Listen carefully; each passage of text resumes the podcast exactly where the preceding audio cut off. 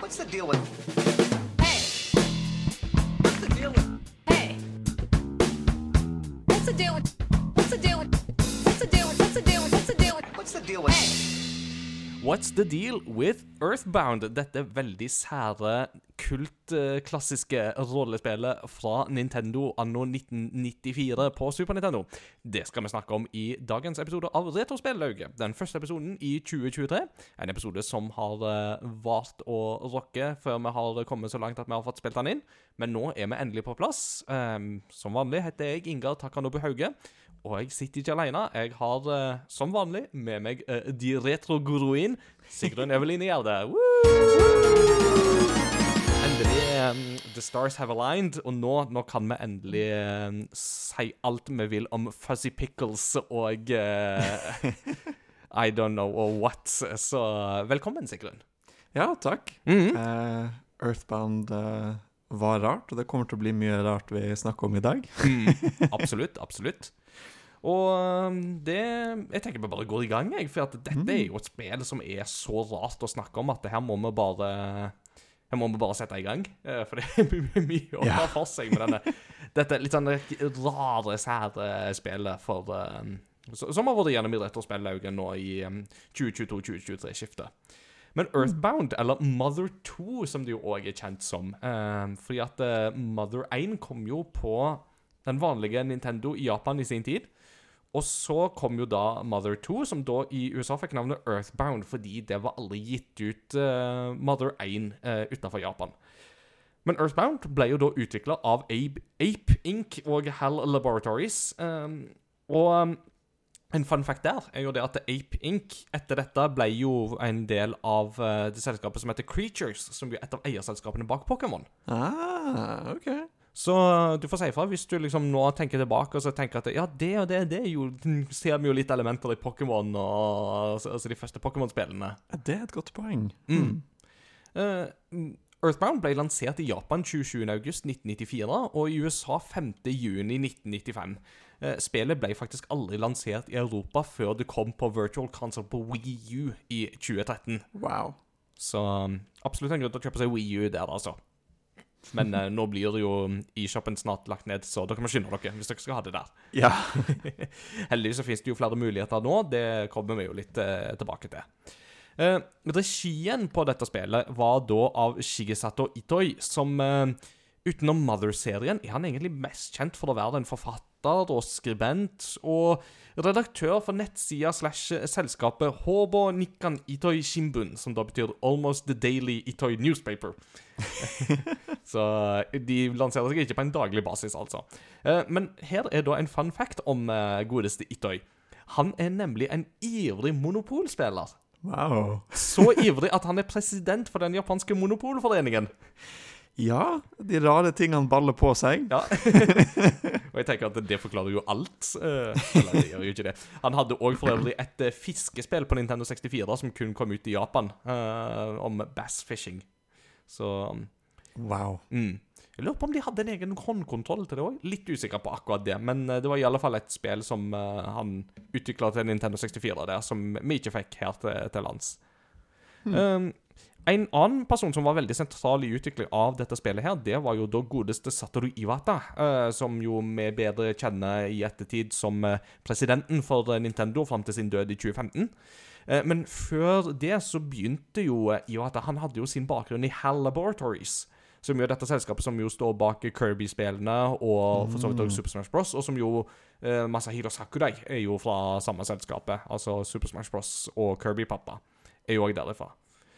Og Iwata var på dette tidspunktet her eh, faktisk president for HAL Laboratories, i tillegg til å være en av selskapets programmører. Og i boka Ask Iwata, som kom ut i um, Nå må jeg tenke om det var i 2021, eh, så er det en del sånne um, småhistorier fra Iwata, som jo faktisk var publisert i denne Almost Daily Itoi Newspaper, uh, på den nettsida der, som de har samla og oversatt. Uh, og der forteller han faktisk litt om den prosessen med da han ble hyra inn for å berge dette prosjektet som heter Earthbound. Fordi uh, da Iwata ble kalt inn, så hadde Earthbound vært i utvikling i fire år. Wow. Og ok. det, og det altså, Nå til dags så tenker vi at ja, ja, et spill det tar jo 4, 5, 6 12-13 år å utvikle, liksom. Depending on who you ask. Eh, men på den tida der så var jo en, en fire års utviklingssyklus var jo ganske lenge. Da var du liksom stuck i litt sånn utviklingslimbo, rett og slett. Så Iwata var jo kjent for å være en veldig veldig god programmerer, så han ble hyra inn til å se på dette prosjektet. Og da hadde han liksom et kjent sitat med at uh, Han sa til Itoy at eh, uh, det er to måter å berge dette spillet på. Uh, working with what we have, it will take two years to fix things up. If you don't mind starting from scratch, we could be done in half a year. Wow. Så det var liksom litt sånn Iwata var sånn at, Ja, vi får en løsning på det, men uh, nå er det opp til dere å bestemme, for det er dere som har jobba med dette. Det er dere som har lagt ned energien i dette. Så det er dere som må bestemme hvordan vi skal gå fram her. Og de kunne jo fortsatt bruke litt assets og sånt, altså konsept Altså på en måte stilart og den slags type ting kunne de jo på en måte videreføre en del assets og sånt, men eh, selve kodinga måtte de jo da på en måte gjøre ifra scratch, for det var den modellen de da valgte å gå for. Og som eh, Iwata hadde spådd, det tok de omtrent et halvt år for å komme i havn, og så brukte de et halvt år til på finpussen og finjustering og sånt, før spillet da kom ut etter fem år i utvikling. wow. Ja, Iwata var litt av en fyr. Ja, Han kunne det, altså. Det, Ja. det det som er spesielt også med at han eh, var Nintendo-president når han var en så dyktig programmør, liksom. Mm. Altså han, ehm, men, men det var jo det, ikke sant? Altså han, han kjente på en måte forholdene og hadde jo jobba seg opp. Og det Mm. synes jo en Ja, jeg syns det er en fin utvikling, sånn karriereutvikling, rett og slett. Samtidig som han jo ikke var redd for å lære seg nye ting, for å lære seg business management og ja, håndtering av personal og sånt. Et forbilde nok mange andre i spillbransjen kunne tatt eh, til hjertet. Men eh, det får bli en annen eh, Det får bli en eh, crossover sidequest eller et eller annet, et eller annet sånt. Ja. Crossover spoilers? Uh, nei, et eller annet i den dyren eller What's the deal with? Det er jo det konseptet hos oss heter. Vi glemmer det litt av og til at det er jo det som er i jinglen vår. Det er jo What's the deal with? Det er jo, det er jo konseptet vi har for å snakke om sånne ting. Yeah. Hmm. Uh, og så ble jo dette spillet ble jo også lokalisert, altså oversatt til engelsk. Og det arbeidet ble i, i veldig stor grad gjort av en som heter Markus Lindblom. Eh, Til tross for navnet, visstnok amerikaner. Eh, han overtok eh, konseptet fra Dan Osen, som da hadde oversatt rundt 10 av spillet. Og Marcus fikk enormt frie tøyler til å oversette dette sånn som han ville.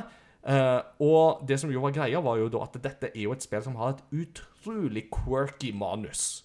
Altså, hele Ja. stilen og manuset i Earthbound er veldig, veldig sært. Det er veldig rart. Eh, og eh, Markus han hadde liksom fått instruks om at han måtte prøve å oversette dette, sånn at du kunne formidle an outsider's view of the US uh, til et amerikansk publikum. Mm. Så for de som var internt i USA, så skulle han formidle hvordan det er for den utenforstående å se inn i USA. så hele Earthbound er jo basically bare en slags parodi på på en måte det amerikanske suburbia. Yes. Mm. Ja, det, det ser man jo òg i uh, Navnet er jo Eagle Land. Mm. Ikke sant? så bare der alene så finner vi det jo Ja. Mm. Det har jeg faktisk ikke tenkt på at det er Eagle Land, at det er jo derfor det heter det. Selvsagt er det det. um, Lindblom han henta veldig mye inspirasjon visstnok fra både uh, Snurr og Sprett-tegnefilmer. han uh, henta også inspirasjon fra Benny Hill, uh, komikeren. Uh, må ikke forveksles med Benny Hinn, uh, den uh, ekstremt karismatiske uh, pastoren som uh, bamma folk i hellige, Den hellige ånds navn, sånn at de datt over ende og Eh, En helt annen, helt annen Benny. Eh, eh, men òg faktisk da fra filmen This is Spinal Tap. Eh, Oh. Eller unnskyld, Spinjel Tap. of course. Uh, og så hadde jo da, uh, i denne historien her, så kom etter liksom at lokaliseringa var ferdig, og sånt, så kommer du jo til liksom den amerikanske reklamekampanjen for spillet. Og dette er jo en interessant uh, greie. De brukte da ca. to millioner dollar på å reklamere for at 'this game stinks'. Noe som da blant annet da kom, i, kom til uttrykk i form av sånne scratch and sniff-kort. Så du kunne liksom skrape på, som bokstavelig talt lukta. Ja, det er akkurat rart nok til å liksom passe veldig godt til hva Earthbound er. Det vel, passer veldig godt når du vet hva Earthbound er. ja. Men når du skal prøve å finne ut hva Earthbound er, så spørs det jo om dette er liksom den beste kam- reklamekampanjen å gå for, tenker jeg. ja. Det må man stille spørsmål ved. Det Ja. er sant. Og, og det ga jo dessverre sitt uttrykk òg i eh, salgstallene. Altså I Japan så solgte jo spillet over en halv million eksemplar, men det amerikanske opplaget ble faktisk kun på rundt 140 000 samla sett. Eh, det var jo flere grunner til det. Blant annet så var det jo Dette var jo en tid der spill som Donkey Kong Country for eksempel, kom og pusha jo grafikk i eh, Super Nintendo-spill til et helt nytt nivå. Uh, pluss at spillet kom relativt seint i livsløpet til Super Nintendo òg. Uh, dette var jo på et tidspunkt der uh, Sega Saturn og eh, Sony PlayStation begynte å etablere seg på det amerikanske markedet. Mm. Så, eh, så på grunn av det så solgte ikke spillet sånn ekstremt godt der og da, men eh, vi sitter jo og snakker om spillet i dag, og det er jo fordi at spillet har jo fått en kultstatus i etterkant. Og det betyr at hvis du da sikrer deg et eksemplar av det spillet back in the day, og har tatt veldig godt vare på det, så kan du i dag få skrekkelig mye penger for det. Eh, jeg mener at um, Retro Gamer eh, prisga et komplett eksemplar til 1600 pund. Wow! Altså rundt 16 000, 18 000 eh, norske kroner. Ja, det er jo vilt. Eh, når jeg har tenkt på liksom GameCube-samling, og noen av spillene er litt dyre, men det er ingenting i forhold til det. Nei. Da, men det inkluderer jo da at du må ha kassetten, du må ha innleie, du må ha pappeske i fin stand, og du må ha scratch and sniff. Så, ja, det var det kortet med òg. ja. Og det må ikke være skrapt. Ah, selvfølgelig! Da går verdien ned. Ikke sant? Ehm, og spillet har blitt en eh, kultstatus Eller eh, kultstatus En kultklassiker.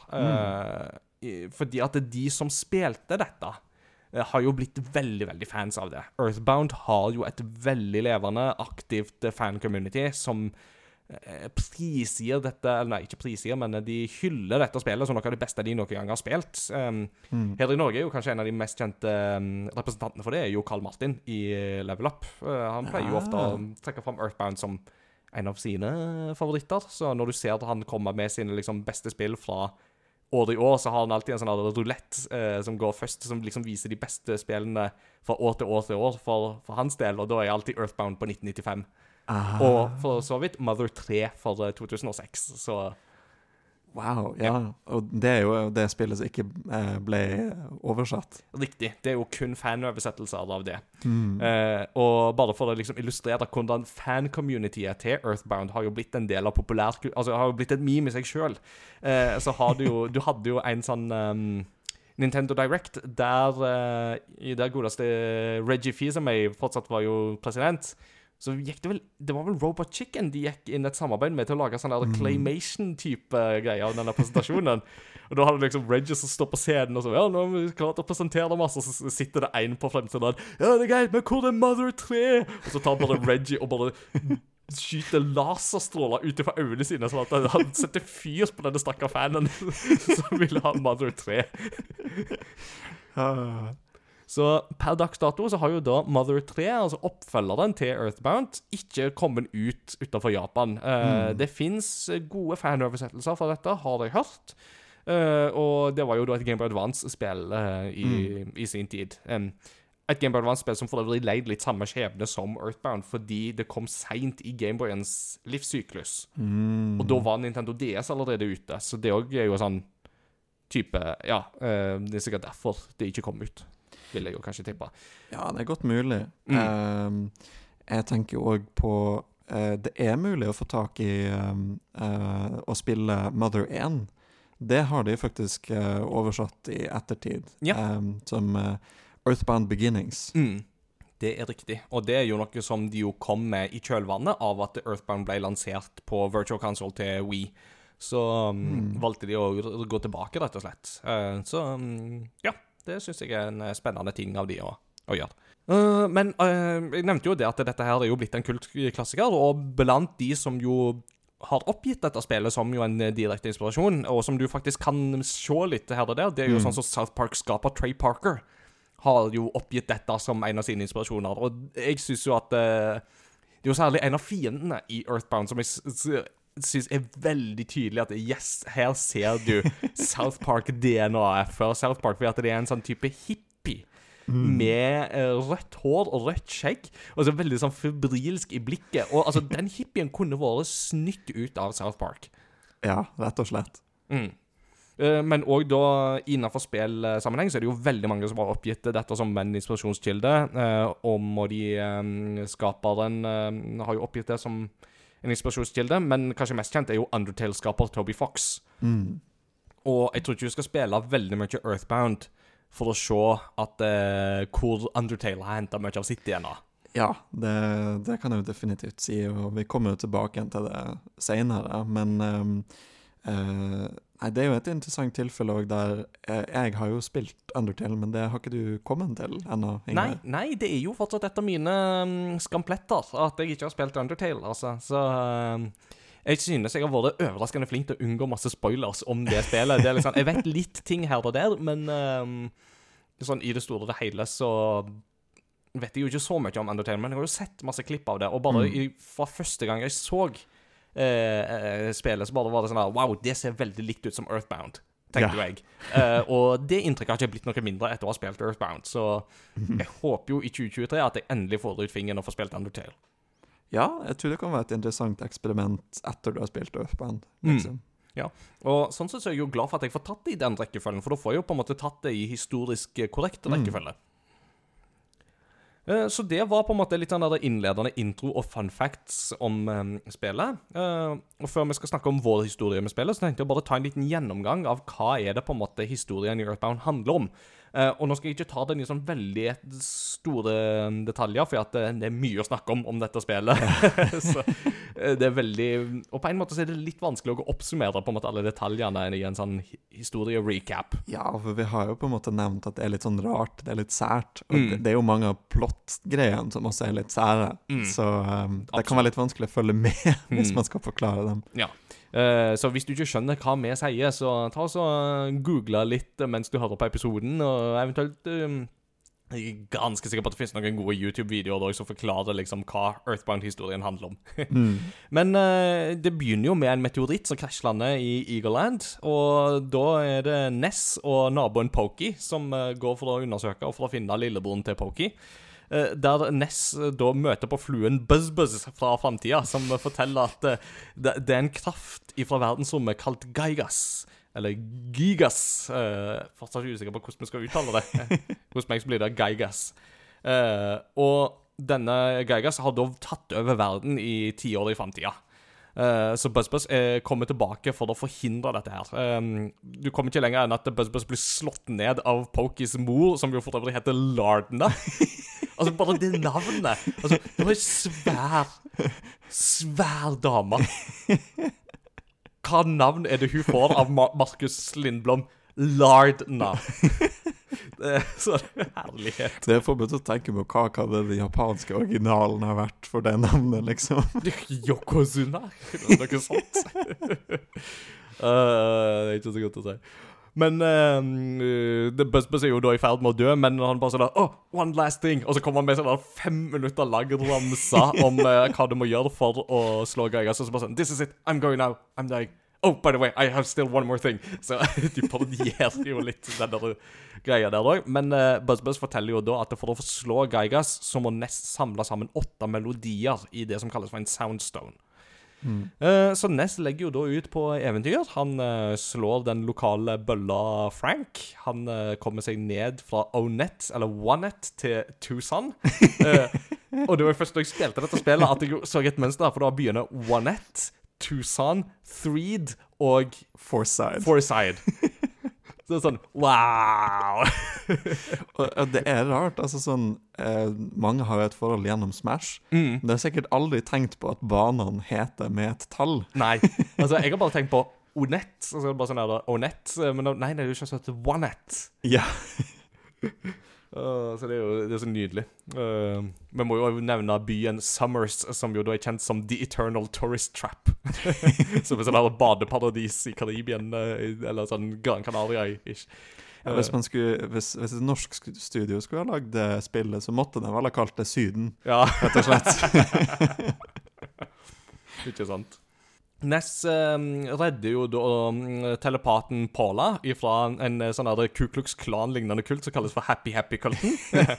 Der alle går kledd i sånne blå Ku Klux Klan-drakter og sier blue, blue, blue, blue. Og så er det en som sier green, green. Uh, I mean blue, blue. I'm sorry, I'm still pretty new at this. uh, som er sånn der -hmm. uh, og så uh, sammen så reiser de ned til byen Threed, som jo da er overtatt av zombier. Så der blir de fanga, og Paula sender en telepatisk melding til Jeff.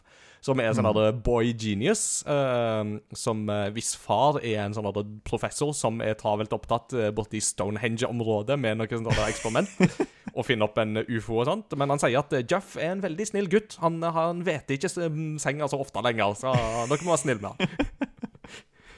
Eh, så, men de befrier 3D fra zombier. Uh, det er noe fluepapir involvert i dette her. Eh, og så reiser de da sammen videre til Saturn Valley, der de møter på en hel haug med sånne merkelige sånne hodefotinger som kalles for Mr. Saturn. Zoom!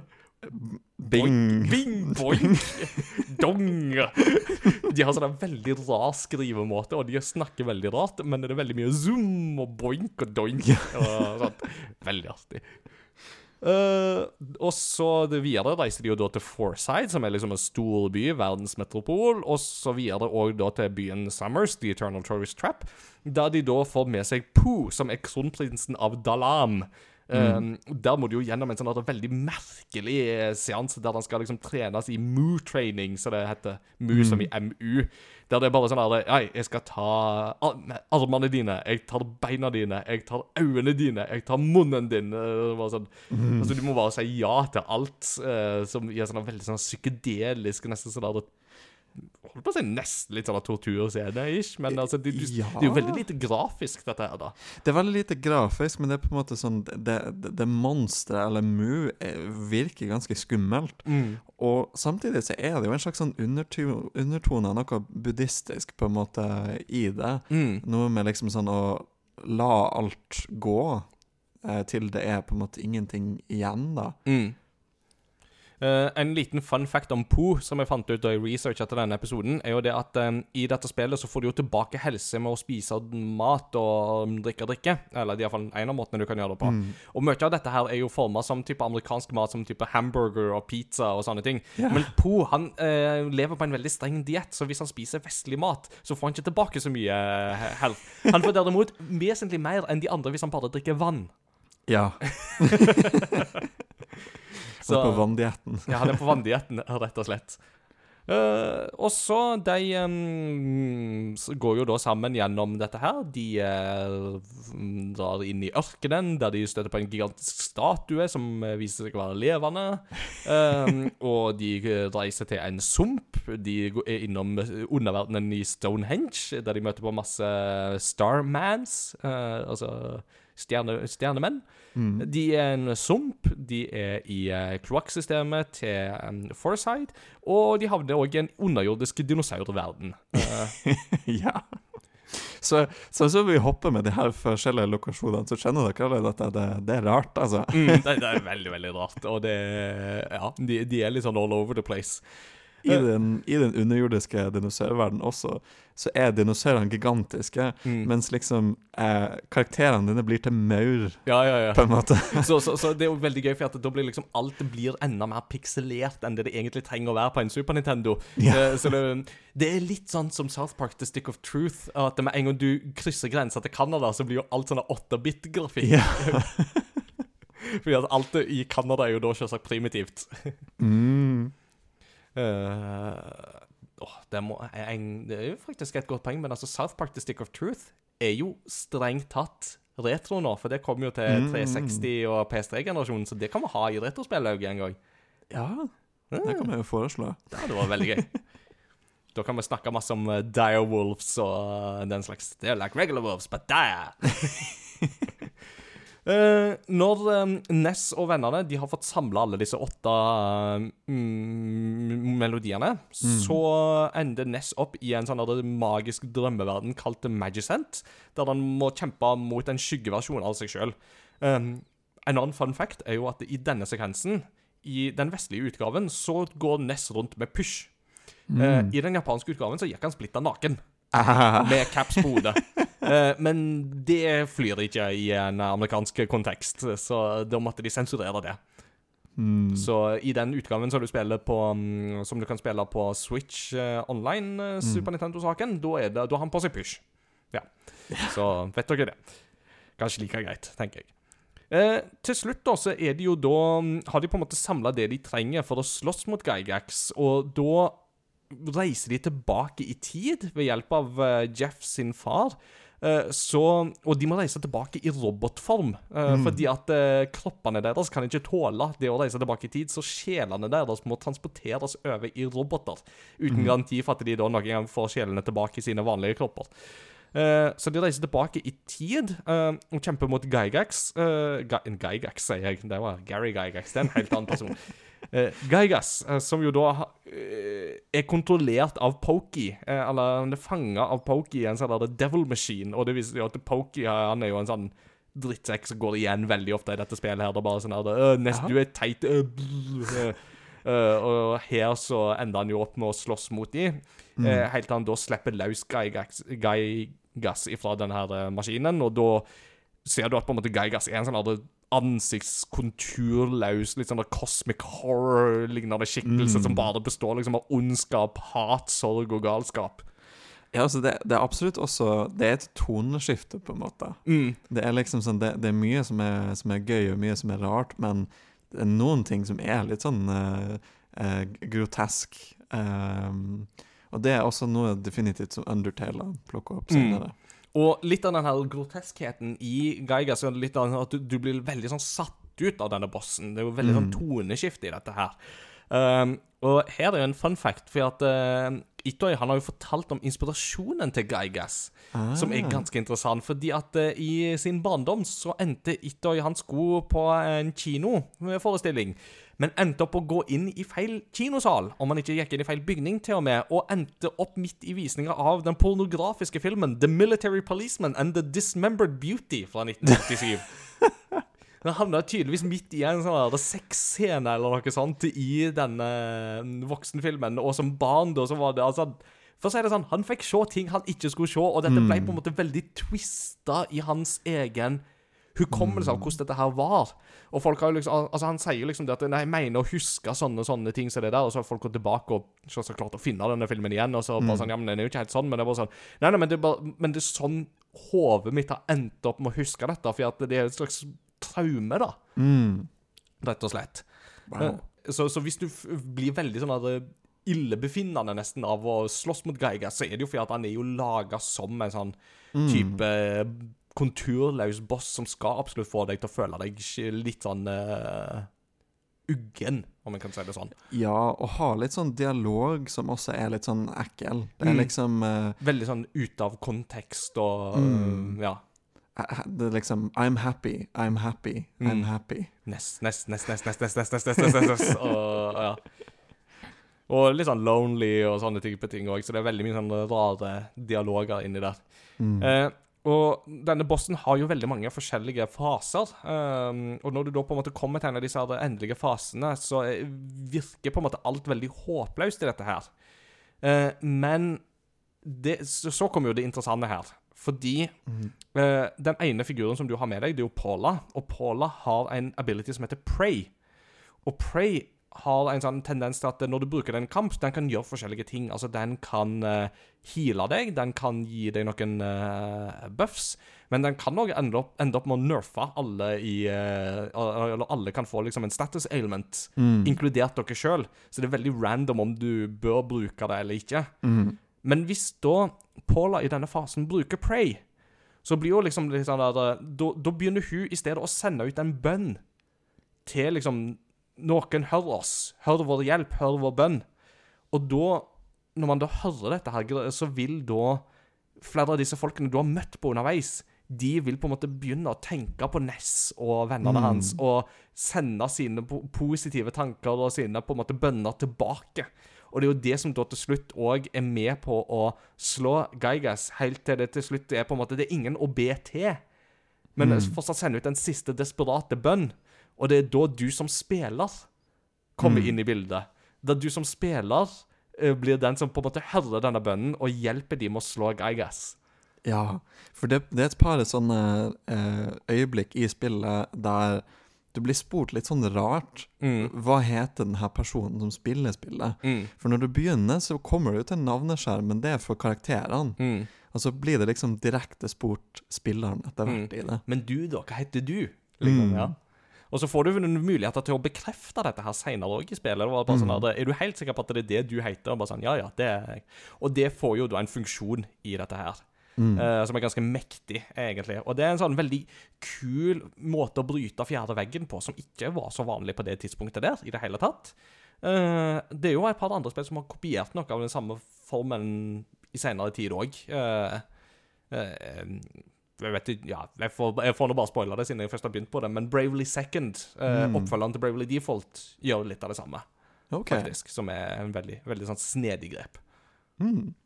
Nei, eh, jeg syns jo Jeg syns jo at eh, hele den seksjonen med, med praying På den ene sida så tenkte jeg på Dragon Ball. Eh, Ja, ja, ja, med Kaioken og disse greiene her. Ja, Genkidama. Genkidama er det, ja. Ja. Og så liksom at alle, s- alle Snakke med alle de forskjellige folkene som har vært involvert, og, og samle inn energien deres, fordi vi trenger alle med for å slåss. Mm. Eh, Det, det er ikke bare den, den ene eller de sterke som Mm. liksom skal gjøre det. Um, og det er på en måte en veldig interessant ting med Earthband, at det har en veldig sentimental kjerne. Mm. Samtidig som det er veldig rart, samtidig som det er mye humor, Mm. samtidig som det kan bli grotesk, og en har, har en litt sånn spesiell mørk tone, Mm. så har det også en veldig sånn sentimental kjerne i seg. Ja, det skal vi jo absolutt komme innom igjen. Eh, den store forskjellen mellom her og Dragon Ball er at eh, i Dragon Ball så er det jo Satan som må få folk til å gi seg energien sin. Her så må du slåss mot en Satan. Iallfall Satan Sama han heter i eh, Dragon Ball, er det ikke det? Jo, Eller Mr. Satan, yes. av alle ting. Eh, eh, snakk om ikke legge skjul på hvor du henter inspirasjonen fra. Ja, ja. Vi får ta Dragon Ball-platen en annen dag. Det hadde vært veldig gøy, faktisk. Eh, Bare liksom snakke om Dragon Ball-spill sånn Det, det finnes det jo masse av. Det kan jo være noe å foreslå en annen gang også. Mm. Og da tenker jeg jo at det, det rekker mye til å ta alle i retrospillauget, men vi får ta det som en sånn temaepisode en gang. Mm. Det hadde vært gøy.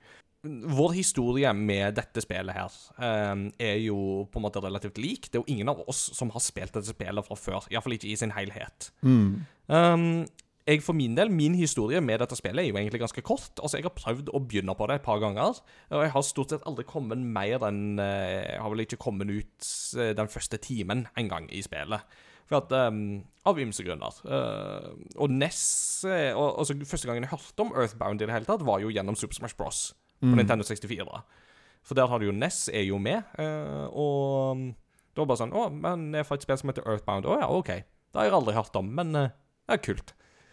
Ja. Så, så det er liksom litt av min historie med spillet. Mm. Ja, det, det, det er det samme for meg på mange måter. Jeg, jeg, har ikke, jeg har ikke engang prøvd å spille det før eh, vi begynte å spille det nå. Um, men uh, det er jo Smash jeg har erfaringene jeg har med universet. Um, og det er, jo, det er jo ganske interessant. Um, fordi du har jo flere av de andre på en måte sånn karakterene eller monstrene som du møter, dukker opp i Smash også etter hvert. Mm. Um, sånn som du får jo Mr. Saturn, de her eh, rare Zoom! småtingene. Boing! Donk! det, du, du får dem inn i Jeg tror det er fra Mealy. Um, Nei, de var vel allerede med i første spillet, tror jeg. Ah, ja. Det er bare jeg gjenkjente dem ikke. Mm.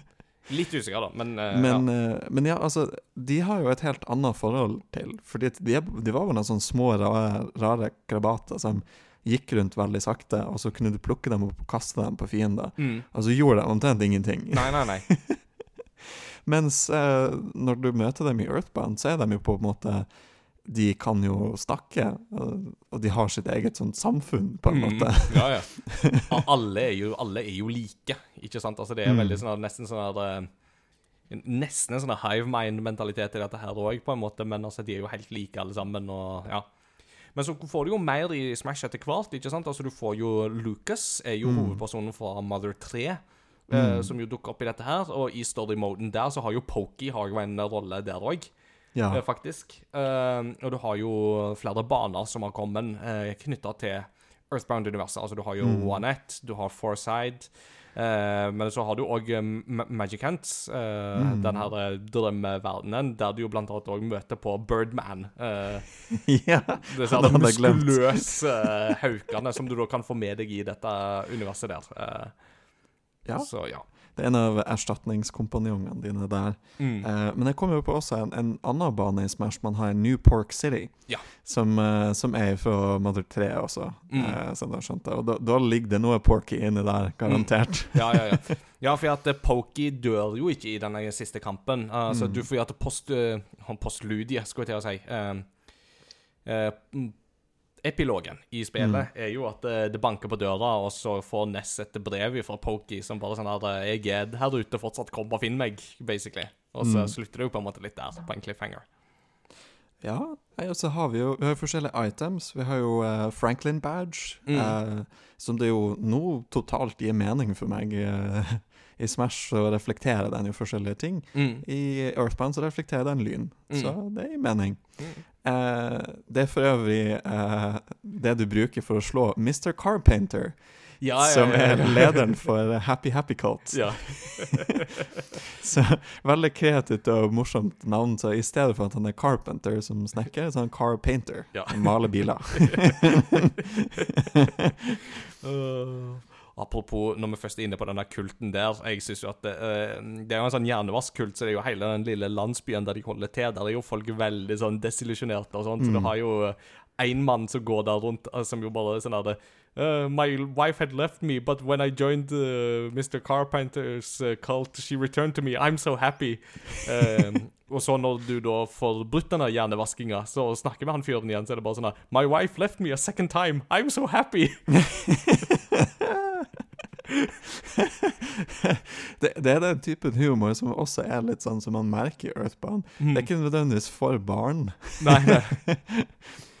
Så, og, det- og det er jo litt sånn eh, Ja. Dette gir oss en litt sånn glidende overgang ikke sant, til å på en måte snakke litt om på en måte spillet litt sånn generelt, men også som Mm. eh, Altså, hva er på en måte førsteinntrykket eh, når du sitter, setter deg ned med dette spillet her? Eh, Nei, altså- humor er jo definitivt et aspekt Ja. her, har vi jo skjønt. Humor er definitivt en av de tingene. Og det første som, som slo meg, var vel hvor likt det er Undertale på mange måter. Hvor mye Undertale har henta fra det. Merker det både liksom sånn den litt enkle grafiske stilen eh, i humoren, em, som er veldig spesiell humor også. Eh, en del av det er liksom for barn, en del av det er for voksne, en del av det er eh, bryte den fjerde veggen. Mm. Eh, det er en god del av det.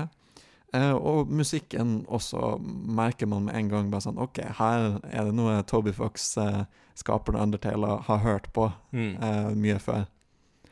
Ja, og det mm, Musikken i dette spillet her fortjener jo absolutt eh, kred i seg sjøl. Her er det jo fryktelig mye musikk, og det er mye bra musikk, og det er mye variert musikk, som jo er veldig artig å sette seg inn i. Altså Bare alltid ifra liksom når du går inn i hotellet første gangen, så får du en sånn her eh, mariachi-lignende eh, låt med sånn Hammond-orgel som går i bakgrunnen til Eh, ja, når du er liksom ute i ørkenen til The Runaway Five, som er sånne Blues Brothers-lignende, Beatles-lignende band som yeah. Alltid er stuck i gjeld, og som du må kjøpe fri to ganger i løpet av spillet for å ja, hjelpe dem. Og de hjelper deg jo tilbake, da, heldigvis. uh, til på en måte sånne psykedeliske eh, melodier til ikke minst den her det veldig kjente den der Som er en meme for for sånne Hø? Ja, Memesangen. Fordi det, det er en sang som, som liksom begynner med veldig sånn rolig synt på sånn bam, bam, bam, bam, bam, bam, bam, bam, ba, ba, Altså plutselig. Så det er klart, altså sånn selve sangen har en litt sånn rar turn, og det, det, det tror jeg folk har tenkt på når de lagde den memen. Absolutt.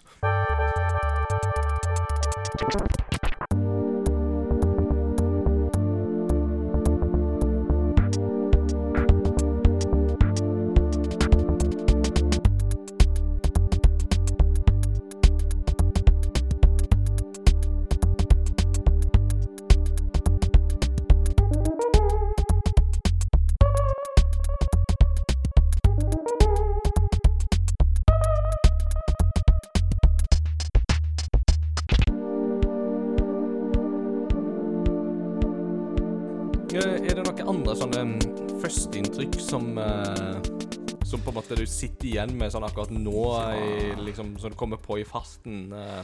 Nei, altså jeg tenker det, det var noen frustrasjonsmomenter i begynnelsen. Um, for eksempel har du lite lagringsplass for gjenstander. Mm. Hver person kan kun ha ti gjenstander, tror jeg. Mm.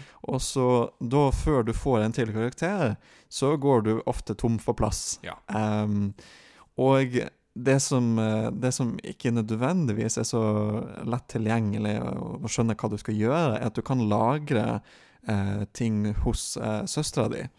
Og etter hvert når du drar lenger bort fra søstera di, så må du ringe eh, en, et leveringsselskap som heter Escargo Ja. eh, Express. S-Cargo. Det er så bra pønn. Åh.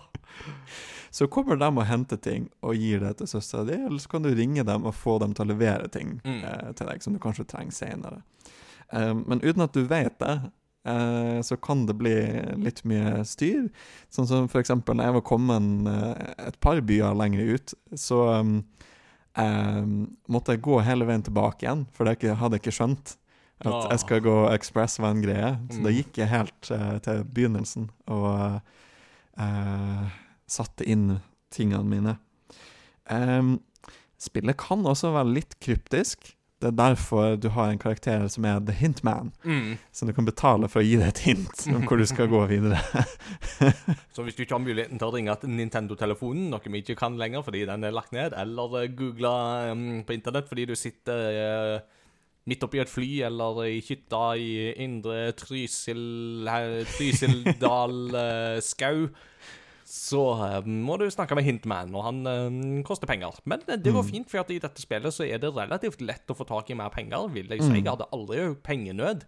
Uh, og Det som er litt sånn hendig her, er at du får ikke nødvendigvis pengene i nevene. Men i dette spillet her så har du jo eh, Ness sin far. Uh, han ser vi jo aldri. Litt sånn typisk japansk her òg. Altså, faren er fraværende. Han er alltid på jobb, eh, men du kan ringe han på kontoret. Eh, og da vil han snakke med deg, og da kan du få lagra. Eh, og han vil eh, for øvrig òg da eh, gi deg pengene som du har tjent opp ved å slåss mot fiender, siden dere ringte sist. Eh, og de setter han jo da inn på din konto. Så må du gå til nærmeste ATM og ta ut pengene. ja. Og bare det faktum at du har en ATM i dette spillet her, synes jeg er så fascinerende konsept. altså, At du har minibank, så du må gå og så ta inn og ta ut og sånt. og altså, Husk at dette her var på midten av 90-tallet. altså Da var det mange i Norge som fortsatt opererte med bankbok. Mm, ja. Altså, mm, En eh, minibank, det var ikke gitt at alle brukte. Nei, jeg syns det, det er ganske spesielt at, eh, at de har det.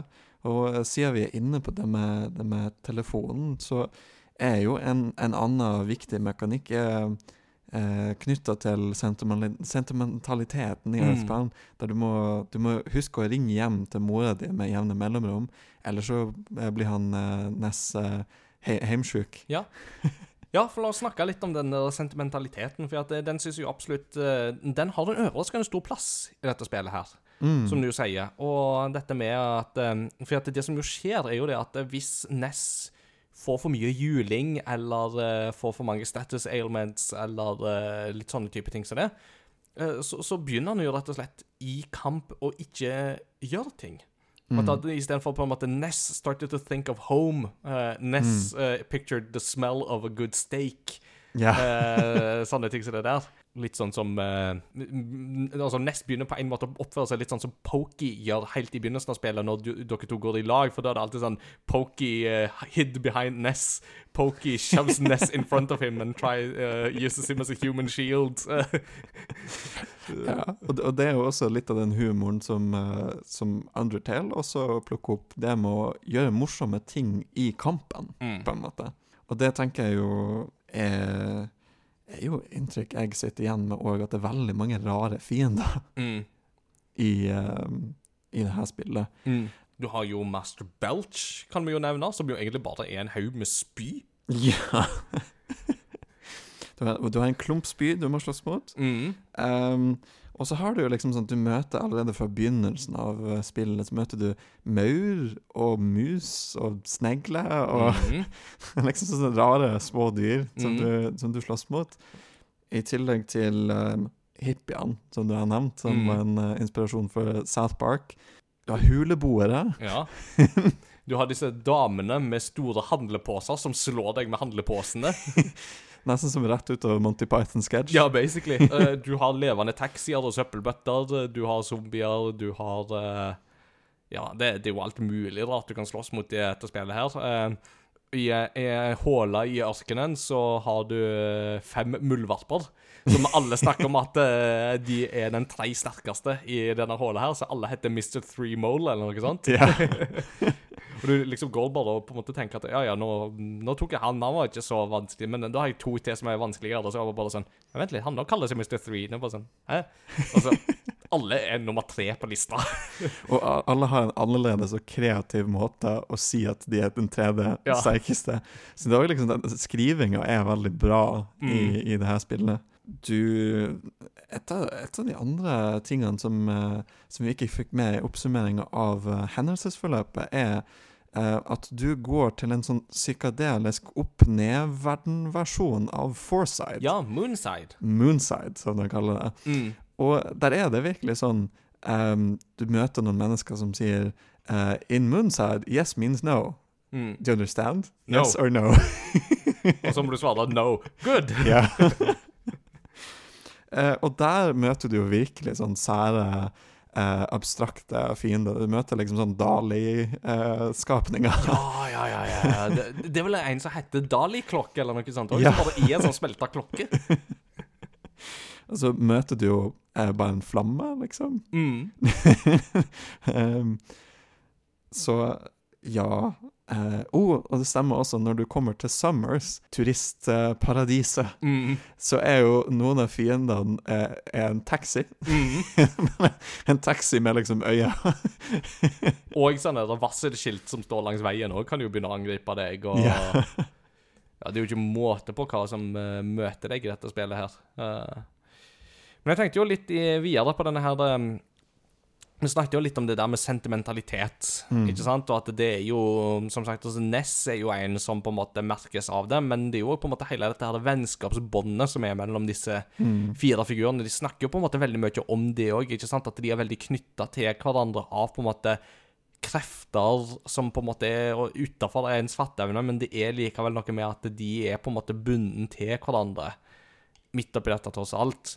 Og Ness, før jo han havner i denne her Magic Hands-verdenen, så får han jo sånn skriften på veggen nærmere, som er litt sånn der eh, Hvem er jeg? eh, Og litt sånne ting. Og alle disse melodiene som de jo samler, er jo knytta til type sånne tidlige barndomsminner for Ness. Altså type sånn Ness kan Ness erindre Uh, en søndagsmiddag da han var liten, eller uh, Ness kan erindre en vogge som vugger fram og tilbake. og sånne, altså Ting som er på en måte veldig sånn vage minner knytta Mm. til han. Og det er jo litt sånn interessant, da, er jo liksom hva er på en måte den symbolske betydningen her? Det er jo sånn som jeg har liksom gått og tenkt litt på, og ikke egentlig funnet noe godt svar på. Ja, altså sånn det, det er vel ikke noen som har gått ut og forklart det, men liksom Serien heter jo Mother, Mm. så det er en slags sånn sentimental, sentimental strek i det. Eh, også med rollen som, som mora spiller, som på en måte som en veldig trygg karakter som, som du kan dra til, og eh, hun healer deg jo. Hun får jo eh, fiksa deg opp. Og da, da gir hun deg Hun lager deg favorittmaten Mm. din, og så kan du gå og legge deg, og så er alt bra, på en måte. Mm. Så det er definitivt eh, noe der, tror jeg. Mm. Mm. Eh, Dette er òg et spill som på en måte tar opp eh, litt sånn andre holdt med Altså, hva skal vi si Relasjoner og den slags type ting. eh. Du har liksom alt ifra denne her eksistensialistklubben i Summers som du må infiltrere, som snakker bare om eksistensialisme rundt en stor stein som er der, til disse her Hva de heter da? Disse her eh, Goron-lignende folkene Tanta? Er det ikke sant? Eh, ja, det er vel noe sånt. Mm. Disse her små skapningene som bare når du snakker med dem, så bare sier alle 'We're shy'. We're shy. Og alle er så sjenerte helt til du gir dem en bok som forteller dem hvordan de skal eh, være litt mindre sjenerte. Da blir de veldig Ja. snakkesalige. De, de får ei- sjølhjelpsbok, og så Ja. blir det bra. Ikke sant? Uh, Da er vi liksom litt over i den der litt mer sånn generelle inntrykksfasen. Da har vi jo snakka vært streifa litt innom noen av førsteinntrykkene og sånt. Og altså eh, En ting som vi ikke har snakka så mye om, sånn sett, som vi også er knytta til førsteinntrykk, er jo den grafiske stilen i, eh, i spillet. Uh, som på en måte kan virke litt enkel, men samtidig som har den veldig mye for seg, altså. Min umiddelbare assosiasjon når jeg har satt meg ned med Earthbound både tidligere og nå, er at dette gir meg litt sånn assosiasjoner til Knøttene. Eller Peanuts. Mm, jo. Eh, med på en måte eh, hele denne her eh, forstadsoppbygninga til hvordan rollefigurene ser ut, til Ja, at det, det er liksom Det er nesten noe sånn der Snoopy, Charlie Brown-aktig over dette her. Noe som for, for øvrig gir mening, fordi at uh, Snoopy og Charlie Brown og Peanuts har faktisk alltid vært, hatt en popularitet i Japan.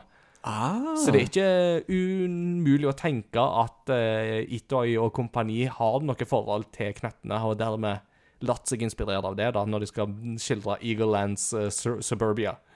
Ja, altså, det ville jo passe ganske godt inn i miksen av uh, det sentimentale å ha med noe nostalgisk, på en Mm. måte. Mm. Uh, og det som jo òg er veldig kult her, er jo hvordan på en måte kameraet er panorert, syns jeg òg er jo veldig stilig. For at uh, i de fleste spillene på den tid uh, så kan du jo se for deg f.eks. spill som A Link to the Past, som er veldig sånn top down ovenfra Litt sånn ovenfra og ned, i alle fall. Eller så kan du ha veldig ovenfra og ned igjen, sånn som Act Racer-spillene. Uh, eller det første, Act Racer, som blander litt sånn God mode og eh, mer sånn todimensjonal plattforming. Som jo da er liksom den andre varianten man ofte så på Super Nintendo på denne tida her. Her så får du jo derimot at kameraet er liksom nesten litt sånn panorert enda lenger ned igjen enn det A Link to the Past Selda, Zelda ville gjort det.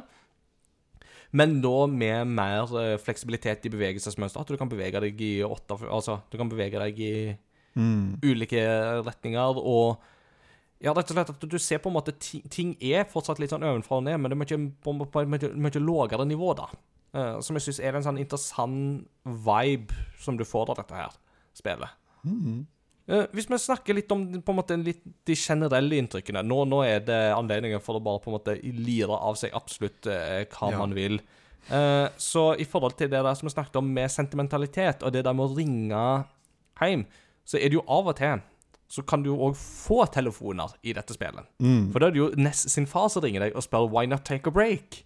Ja. Uh, you've been, it seems like you've been playing for a long while. Why not take a break? Og dette er òg en fun fact som jeg uh, lærte i dag av å lese i denne Iwata Ask Iwata-boka. Og Det var at dette med disse telefonsamtalene er da grunnlaget for disse pausemeldingene du fikk på Wii. Ah. For at i Wii-spill, som for eksempel da Wii Sports, så fikk du av og til en melding 'Why not take a break?' Litt sånn som at de skulle på en måte passe på at du må huske å gå ut og nyte sola litt òg, og få frisk luft. Mm. Det var direkte inspirert fra Earthbound. Det er kult. Det er stilig, altså. Mm. Eh, en en eh, morsom greie med akkurat det òg, er at det er jo faren til, til Ness som, som ringer og sier ifra om det. I noen deler av spillet så spiller du som andre karakterer enn Ness. De, faren kan også ringe dem, Ja, ja. og så sier han bare sånn 'Å ja, du er ikke Ness', ja. men allikevel. Kanskje du kan ta en pause, hvis du vil. Vi kan jo gå litt inn på på en måte um, Hva skal vi si, dette her med humor, og bare fortsette liksom i det spekteret der. Og da er jo oversettelsen har jo veldig mye å si her. Eh, altså alt ifra Jeg nevnte jo allerede i innledningen, ikke sant, men altså Du har en sånn fotograf som av og til dukker opp i dette spillet bare ut av intet, som bare sånn I am a master photographer if I say so myself. Og så tar han bilde av Ness, eh, som jo alltid gjør et peace, og så blir han tatt bilde av. De andre gjør ingenting hvis- de er med. Og da er det alltid 'say fuzzy pickles', og så blir det tatt bilder.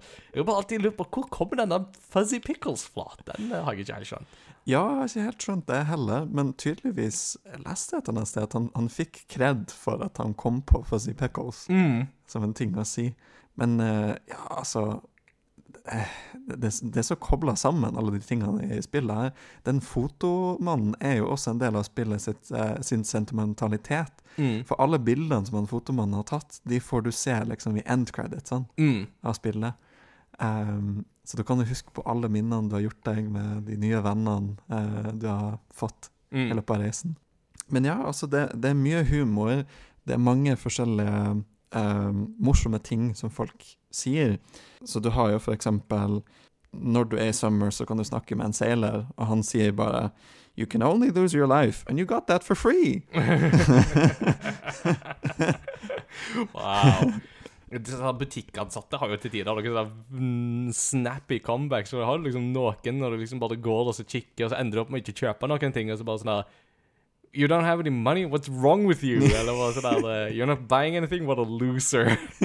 Og så det er andre som på en måte blir såra av det. Ja, ja. sånn Oh, you don't want to buy anything? You hurt my feelings. Ja. og det er veldig mye sånn altså, rar sånn metahumor i òg. Både Altså du, du nevnte jo en av samlingene vi hadde eh, underveis, om liksom de som snakker veldig mye om på en måte eh, Ja, PSI, eh, som jo er den her um, psycho um, Altså det er jo basically sånn telekinese og uh, den slags type på en måte mm, supersensoriske angrep som disse ungene kan bruke. Mm. Som bare sånn der oh, PSI um, with, with PP indicates um, PowerPoints indicate how much PSI you can use. Sounds very handy. What is PP anyway? Eller what is PSI anyway? I don't know, I'm just a kid. Ja, det, det er veldig sånn meta eh, noen ganger der de en, en ting som jeg liker veldig godt, som er litt spesielt, for det her kom jo ut før Pokémon eh, I, i Pokémon så pleier de jo å noen karakterer bare ramser ut eh, spillmekanikker. Trykk Visste du at du kan trykke A for å Mm. Ikke sant? Mens eh, i Earthbound så gjør de det, bare at samtidig så gjør de det til en vits. Mm. Fordi det er liksom sånn Hvordan ville denne karakteren ha visst det? Ja. De har liksom tenkt på det når de har skrevet det. Akkurat, akkurat nå kom jeg på at det minner meg litt om Link's Awakening. For der har du noen sånne, sånne unger som eh, holder på så bare sånn her ja, De sier at hvis du gjør sånn og sånn, så blir det sånn og sånn. But I'm just a kid, so I don't know what that means. Ja, det, det er gøy. Eh, og når man snakker om eh, humor som er liksom litt sånn referensiell, Mm. eh, så du, du kan eh, du, du trenger en ubåt på et tidspunkt i spillet, og når du leser skiltet som står ved siden av ubåten, så står det A submarine. The yellow color is purely coincidental. så, så du får låne en yellow submarine. Det forklarer hvorfor dette spillet er så trippy. Ja. ja, og så har du jo også eh, et annet sitat som jeg syns var veldig gøy, i opp-ned-verdenen eh, Moonside. I have no patience when people interrupt me while I'm busy doing nothing. Veldig innholdsrik eh, ting karakteren hadde å si. Mm. En annen ting er inne på den eh, klubben som vi nevnte, Club Stoic. Ja. Eh, Stoic er den heter, ja. Stemmer. Ja, der du har eh, mange voksne personer som på en måte er veldig sånn pretensiøst Mm. eh, tenker rundt, rundt livet og mange forskjellige ting. Så er det en av dem som sier You guys can't envision the final collapse of capitalism? Incredible! og så tenker du bare sånn ja, Noen har putta det her i et, et spill for, for barn, da, Ja, på Snes. og det, og, det, og det er så rart. Det er veldig mye i dette spillet her som er så interessant, For at med den grafikken og stilen, og det at du spiller som kids i en moderne storby, bare det i seg selv var jo temmelig uvanlig på dette tidspunktet. Ikke sant? Altså, I etterkant så har jo Pokémon har jo tatt videre den arven. Med å være på en måte en kid i en moderne setting og gå rundt sånt. Altså, for at de fleste rollespill på denne tida var jo enten fantasy eller science fiction. Eh, men eh, sånn som her så er det jo det at du spiller jo basically som barn, og dermed så blir det så mismatch, ikke sant, med liksom en del av den der humoren som dukker opp av og til, så bare sånn der Vent litt, dette er ikke humor for kids! Ja, nei, da, da får du snakke med en av politimennene i begynnelsen av spillet som er litt sånn Bryt den fjerde veggen. Barn som som deg burde være inne og spille Nintendo. ja. og apropos det, eh, i Forside så er det jo en bygning der det er et skilt utafor. Eh, som du, du kommer ikke inn i huset, men det står utafor eh, på skiltet så står det at nei, dette huset er opptatt til konferanse for utvikling av Earthbound 2 med Ape Inc. Så referens, lager en referanse til spillet, på en måte. Yes, basically. Um, en annen, et annet sitat som jeg syntes var veldig gøy, var uh, Du kan gå og snakke med en hund Mm. i, uh, i en av butikkene, og det hun sier, er bare sånn I'm being possessed by the game designer, parentes, rough. Øh. Nei, altså, det er jo basically Altså, hele dette Altså, Øversettelsen oversettelsen av dette spillet her i seg sjøl må jo bare få ekstrem creds, og det er jo litt av grunnen til at dette spillet også har blitt så populært, tror jeg, er jo nettopp fordi den, på grunn av den fantastiske oversettelsen som du har her. Med at det er veldig godt oversatt, og humoren er spot on. Det er quirky, og det er rart, men allikevel, det er liksom ikke fordi Altså, det er ikke quirky og rart fordi at det er masse skrivefeil eller noe sånt. Det er jo ikke sånn 'all your base are belong to us'-nivå på dette. Altså, dette er genuint godt oversatt. Altså, dette er solid håndverk, egentlig. Det er det det er. Ja, det vil jeg mene, jeg òg. Mm. Jeg tenker noen av karakterene Du husker veldig mange av karakterene du møter i løpet av spillet, som, som er ganske unike og interessante. Jeg tror det er litt sånn den quirky naturen i det gjør at uh, karakteren skiller seg ganske ut. Og de setter seg på en måte i, i minnet ditt. Så jeg husker jo um, Runaway Five, er jo Blues Brothers-parodien som du møter på flere ganger. Mm. Og de får til slutt med seg liksom en, en kjent eh, sanger som heter Venus. Mm. Og hun er jo bare en stor stjerne, hun er veldig kul. Så når du må sikre en autograf fra henne for å komme deg videre i spillet, så jeg plukker hun bare opp det nærmeste rundt henne og signerer på et bananskall. Ja. For det blir en veldig artig sekvens, den der eh, For at du blir jo vitne til en opptreden med Venus, og der hun liksom står og synger, og de står og spiller. Og så er det så artig, for at mens hun da står og synger og sånn Du kan jo ikke gjøre noe i dette, men plutselig midt oppi dette, så er det en kar som har klart å sneke seg opp på scenen og prøve å liksom angripe henne. Og hun bare fortsetter å synge, men hun trekker seg liksom litt tilbake. Og så ser du i mørket så ser du at det kommer to liksom bodyguards og overmanner han og andre, og så drar han vekk. Og så bare fortsetter hun å synge som normal. Og det er så Igjen så er det bare sånn at det å bare tenke på at dette her er noe som er liksom naturlig å plotte inn i et spill, det er bare sånn Hva tenkte de på? Ja, og så igjen fascinerende så har vi et spill som på en måte er for barn. da. Men eh, ja, altså en annen interessant detalj som jeg uh, oppdaga i researchen eh, rundt eh, karakterene, var at um, han Toby Fox har faktisk brukt eh, Venus sin stemme til en av karakterene i Undertale. Oh. Eh, han har bare liksom sakka ned eh, stemmen, og så har han gjort eh, sånn som eh, Stemmene i Undertale er rett og slett lyder som er banjo-kazooified. Så det, Ja. det er liksom. Det er på en måte måten karakteren snakker på. Ja. Så uh, han har brukt, uh, så vidt jeg har lest, uh, stemmen til Venus for Undyne, som er en veldig kul og badass kvinnekarakter i Undertale. Sweet. Det er gøy. Det er masse sånne fun facts knytta til dette spillet. her For eksempel så var det jo at dette spillet hadde jo en piratkopieringsmekanisme, eller, eller en sånn sikring mot piratkopiering som var ganske slu, fordi at eh, ganske seint i spillet hvis du spiller på en piratkopiert utgave, så vil spillet stoppe opp og slette save-fila di. Wow, det er ganske slam piratkopiering, altså. Ja, eller les, sånn guard mot piratkopiering. Ja. ja. Så, men eh, altså Tenk deg da, du bare kommer liksom så langt, og så bare sånn Nei, nå er alt sletta. Men, det- men det er din egen feil. Det, du skulle ikke ha piratkopiert in the first place. Ja, Skulle gått til Specsavers. det kan jo være at man liksom tenker da bare eh, Skjer det igjen? Hvorfor, hvorfor ble den sletta? Så prøver man å spille gjennom igjen, og så blir den sletta en gang til. Når vi snakker om andre karakterer som jeg syns var gøy, så har du De er også barnegeni, på en måte. Eh, eh, oppfinnerparet uh, Apple Kid og Orange Kid. Ja, ja, ja. Hvor, altså, når jeg skrev det her og liksom tenkte Gjorde meg opp noen tanker rundt det, så tenkte jeg sånn Ja, altså, Orange Kid er jo han som har nytteløse oppfinnelser. Mm. En av oppfinnelsene som han uh, prøver på, er å gjøre et kokt egg rått igjen, eksempel.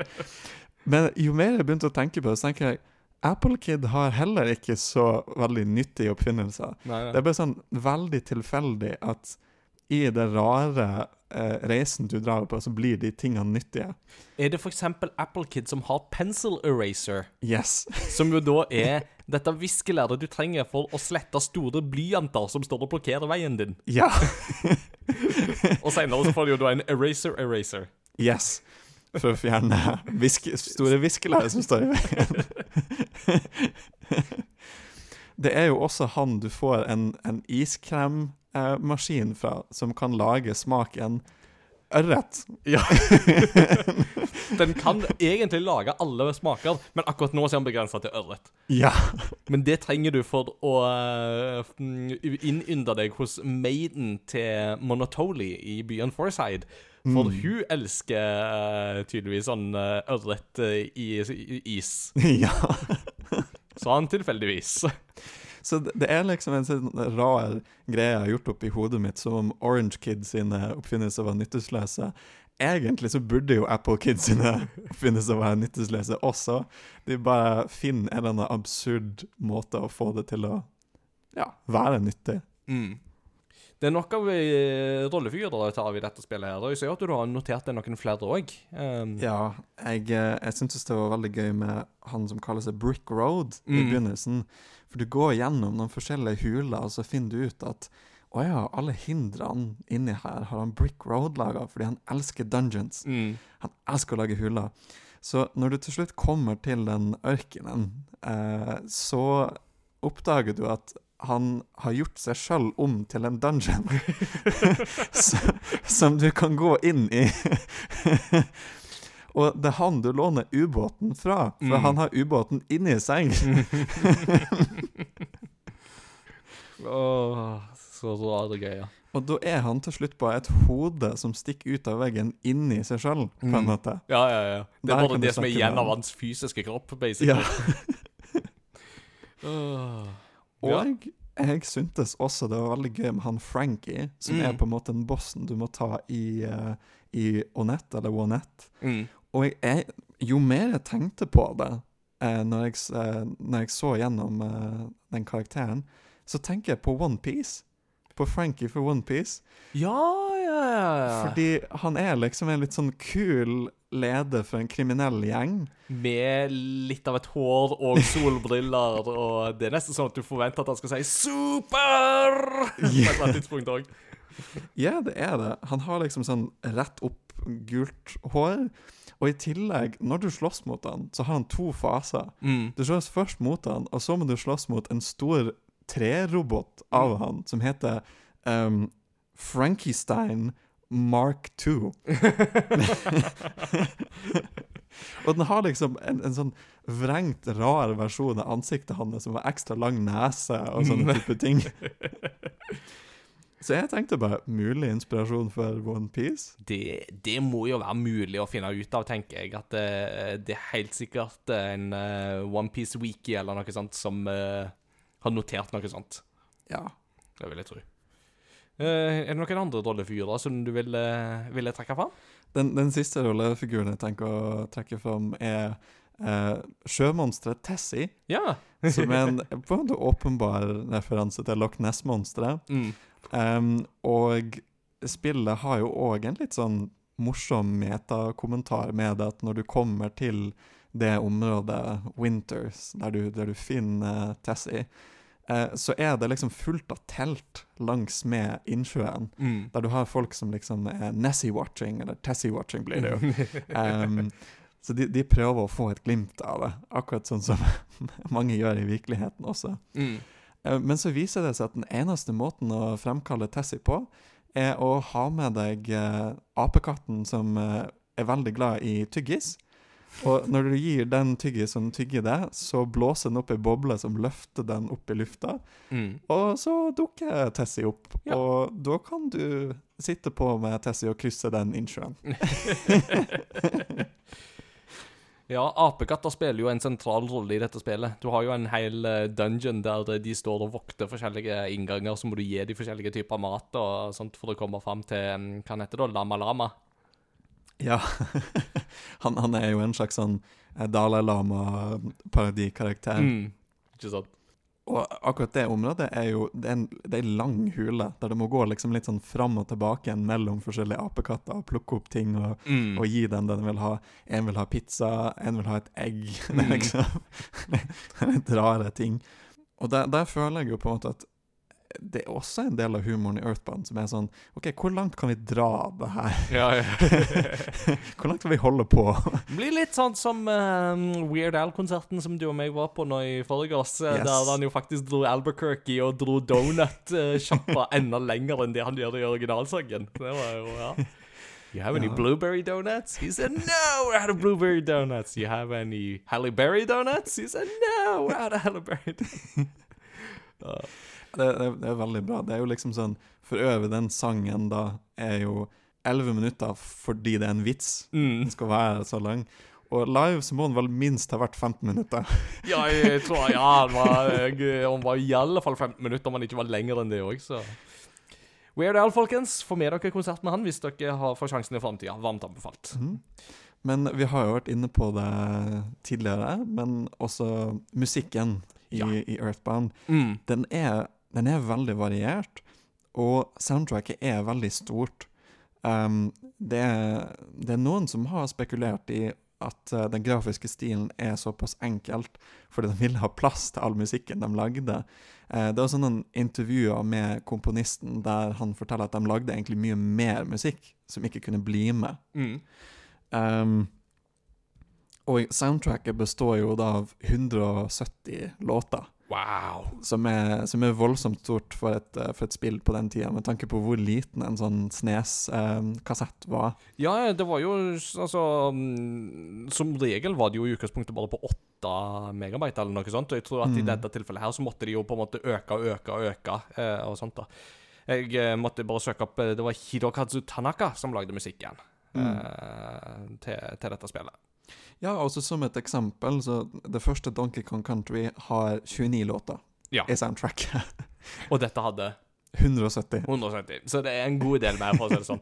Og, og altså, det er jo interessant, for det er jo Da bringer du det på nivå med sånn som eksempel Chrono Trigger. For at Chrono Trigger-soundtracket er jo også fordelt på tre CD-er, f.eks. Mm. Men det har ikke 170 låter for det. Altså Så mange spor er det ikke. eh, Verken det eller eh, Mm. Final Fantasy 6 har jo òg ganske mye musikk. Så det, det er noen av disse spillene her så de fikk komprimert inn veldig mye musikk på den tida der, altså. Men Mm. Earthbound skiller seg eh, ut, så du sier. Ja, også det som er greia med Earthbound-soundtracket, er at uh, gjerne en del av sangene er ganske korte. Noen Mm. sanger er bare 30 sekunder som looper, da, eller ett minutt og sånn. Mm. Um, det er nok mulig at liksom sånn Donkey Kong Country har lengre sanger i, i soundtracket med litt forskjellige ting som skjer og sånn. Men jeg tror det passer veldig godt til det som generelt har blitt sagt om Earthbound så langt, at det er veldig blanding av masse forskjellige ting. Det merker man også i musikken.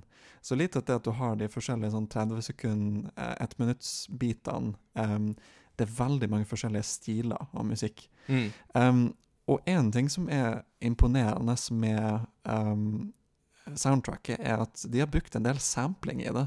Så de var, de var ganske tidlig ute på å bruke sampling. Ja. Så blant annet i en av um, Uh, En av sangene, den sangen som spiller på navneskjermen, Mm. eh, som du får både i begynnelsen og på forskjellige tidspunkt i, i spillet, der sampler de um, den sangen fra Monty Python.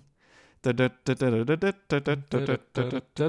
er bare veldig lite i begynnelsen um, som du nesten ikke kan høre, men så blir nesten, nesten en slags sånn hiphop-beat. Ah. etter det.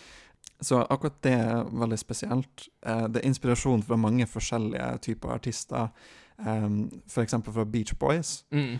Um, de er også sampla inn i en låt i uh, spillets siste sted, som jeg lurer på om er Jeg tror ikke det er når du slåss mot Gygas, men jeg tror det er området før du gjør det. Mm, den her The Cave of the Past, eller eh, Ja, jeg tror det er når du liksom er robot, eller noe sånt. Og uh, der er sangen Deirdre fra Beach Boys. Mm. Det er bare de ordene som vries og vendes om, om igjen og om igjen. Wow. eh, til det ugjenkjennelige, og nesten litt fryktinngytende. Wow. Nesten litt som å spille ei plate baklengs, på en måte. Mm. I tillegg så er det liksom Det er mange sjangre som er representert. Blant annet så Det her er jo en opplevelse jeg hadde da jeg spilte det. Jeg, bare, jeg går inn i et hus, og hva møter meg der? Å ja, raggy. Mm. Skikkelig god, god reggae-musikk. Ja, ja, ja. det får du også i sykehuset, der de har en annen reggae-låt. Så de har Mm. til og med to reggae-låter.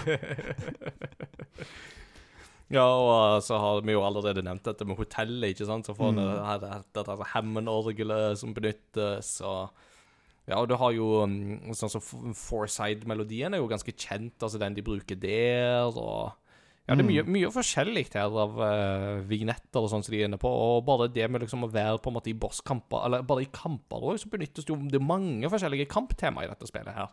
Ja, det er en ting som er interessant. Det avhenger av hvilke fiender du slåss mot. Mm. Um, så for eksempel Hvis du slåss mot en svak fiende, en fiende som er svakere enn deg, så vil den kampmusikken ha eh, preg av fuglekvitter i Mm. bakgrunnen. Mm.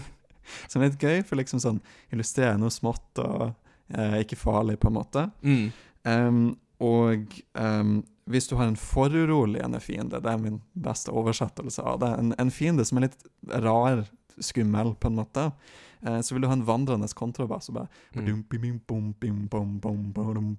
Riktig, riktig. Når du, har, eh, når du kjemper mot disse her Starman, så er det alltid en sånn der synt inne i bildet, ikke sant? Og, ja. Mm.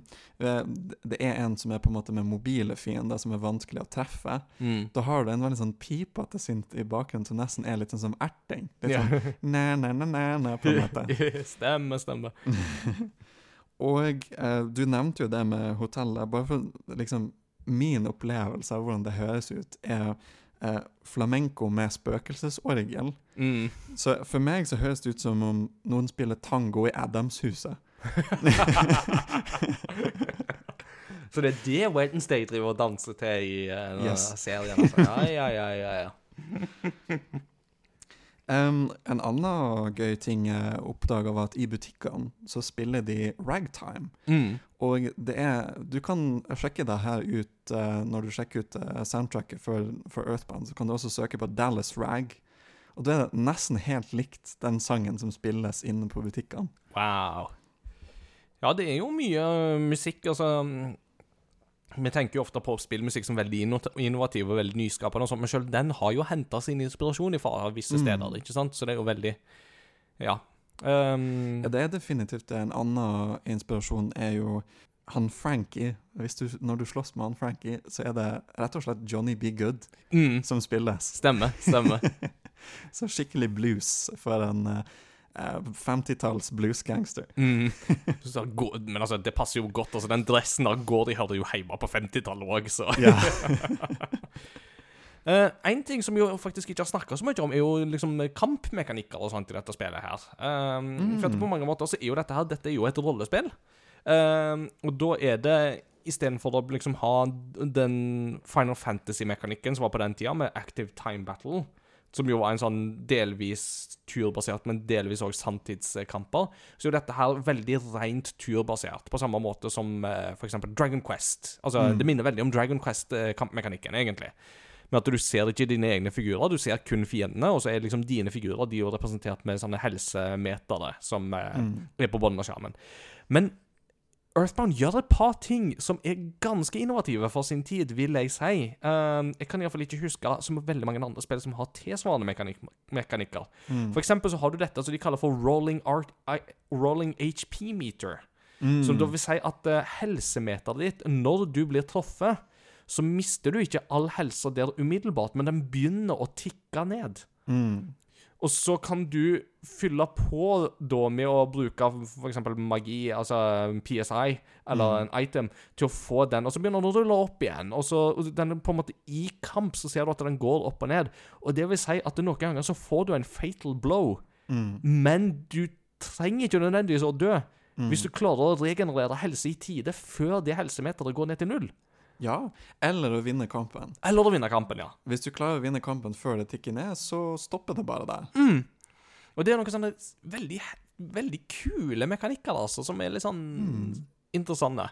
Uh, en annen ting er jo da at du har jo faktisk en auto battle-system. Du kan bare sette kampene på automatikk. Mm. Det òg går an. Og det som òg går, er jo det at hvis du når et så høyt level at eh, du er garantert å vinne kampen uansett Så når du da går bort til fienden i, på kartet, så er det jo normalt at du får sånn Og så går du egentlig inn i kamp, men da Mm. får du bare den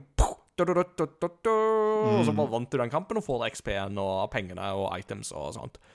Eh, Så, så, så du vinner bare basically på walkover. Bokstavelig talt. Altså, du går over fienden, og så vinner du. så det er noen sånne ting som dette spillet gjør, som er ganske innovative for sin tid. Og altså, selv om jeg må innrømme at det ble av og til så kunne jeg bli litt lei av noen av kampene og sånt, hvis jeg ble litt stuck i en dungeon som var veldig lang og litt sånt, så, så, så kunne jeg, det ta litt på motivasjonen. Men det at du hadde autobattle, eh, hjalp en hel del, det, altså. Ja, og så det er jo på en måte sånn uh, Du kan tenke deg Undertale har på en måte tatt em, en del inspirasjon for det, men har liksom prøvd å lage et kampsystem som kanskje fungerer bedre for eh, et moderne publikum. eh, som kanskje syns at det med turn-based er litt tregt. Eh, så derfor i Undertale så har du jo mer et sånn bullet hell-greie, der du styrer en liten pikk som skal unngå forskjellige Mm. ting. Så det blir litt mer interaktivt for hvert angrep som kommer mot deg, da. Spennende. Men absolutt, altså sånn når du tenker kampsystemet, så du har eh, ganske forskjellige ting som karakterene kan gjøre. Sånn som Paula er jo eksperten på sånne psykiske angrep, eh, Mm. så hun har flest av de. Mm. Um, Og så har du jo den Prey-saken som vi snakket om Mm. tidligere. Det stemmer. Og så har du han Ness, som egentlig uten Enten om du vil det eller ikke, så kommer han til å bli en tank Mm. i løpet av spillet, for han får så mye HP. Mm. Um, og våpnene uh, hans han har å velge mellom, er jo uh, balltre eller jojo, Mm. som folk kjenner igjen fra, fra Smash. Mm. Og så ikke minst Pick a fire! Pick a freeze! Ja, som, som er litt, uh, litt gøy. Det er jo også flere andre sånne eh, psykiske angrep som de har, som, som jeg ikke vet om dukker opp i Smash. Eh, sånn skjold og eh, Det er en som heter Brainshock, Ja. som liksom forvirrer en fiende. Og så I starten av spillet så må du jo òg oppgi hva er på en måte din hobby, eller hva er det du er best til her i verden. Og Da kan du f.eks. nevne gaming som Mm. ei greie, og da får du gaming som et sånt PSI-angrep. Så jeg fikk i alle fall det at jeg kunne liksom bruke gaming som en sånn og så får du masse sånne distorted farger som bare brum, Og så tar det fienden. Så det funka veldig bra. Eh, og Paula sitt sånn fysiske våpen er som regel stekepanner Ja. av forskjellig kvalitet. Og så har du jo da Jeff, som jo da um, kan bruke uh, items og finne opp ting og den slags type Mm. ting. Og du basically hacka jo, eller du, du, du You broke the game, basically, for at du bare brukte jo masse bottle rockets. Ja, fordi uh, du kan liksom finne uh, en sånn hemmelig selger som er litt sånn, er det sånn black market-type greie.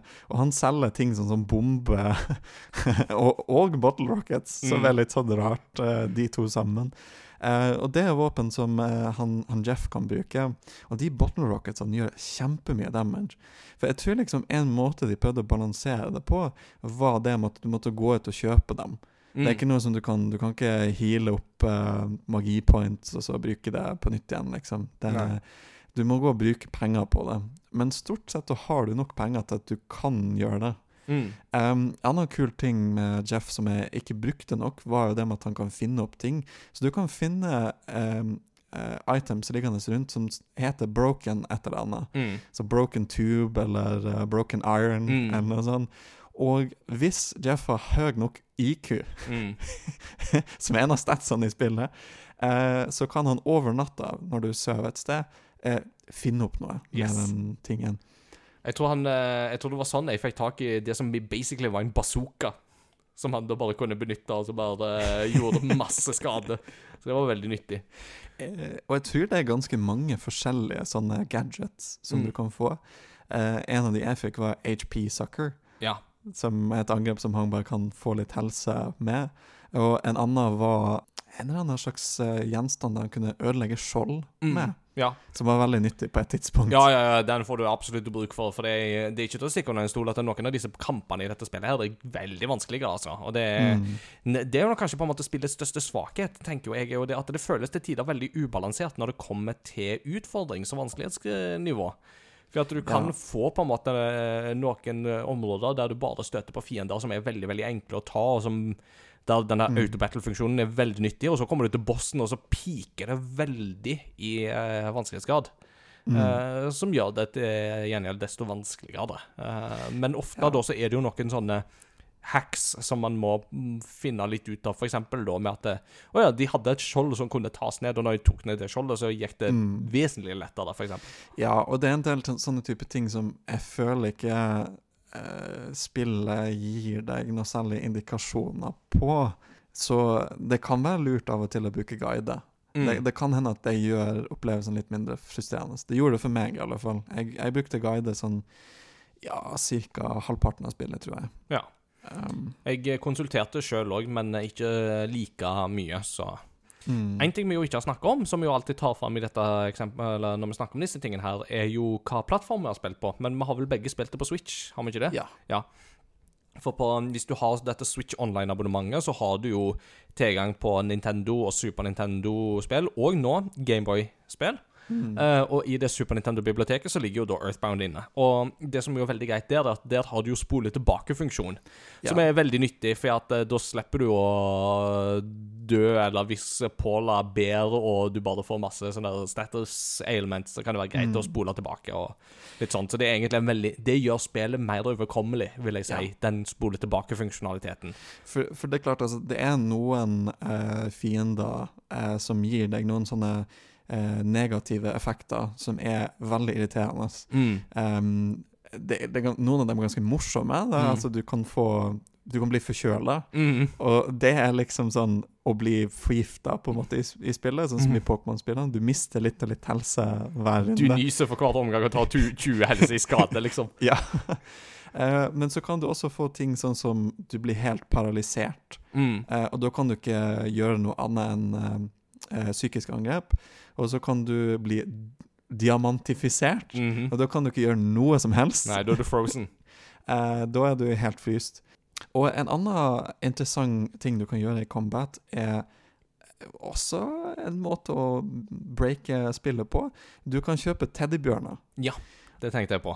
Og, og de teddybjørnene de fungerer egentlig litt sånn som substitute i Pokémon. Mm. Um, den tar skaden for uh, den personen som har den. Og det De koster egentlig ikke så mye. Så det jeg gjorde på et tidspunkt, var at jeg hadde sånn fem teddybjørner på alle karakterer. Og, og da Noen av fiendene klarer å ta en teddybjørn med ett slag, Mm.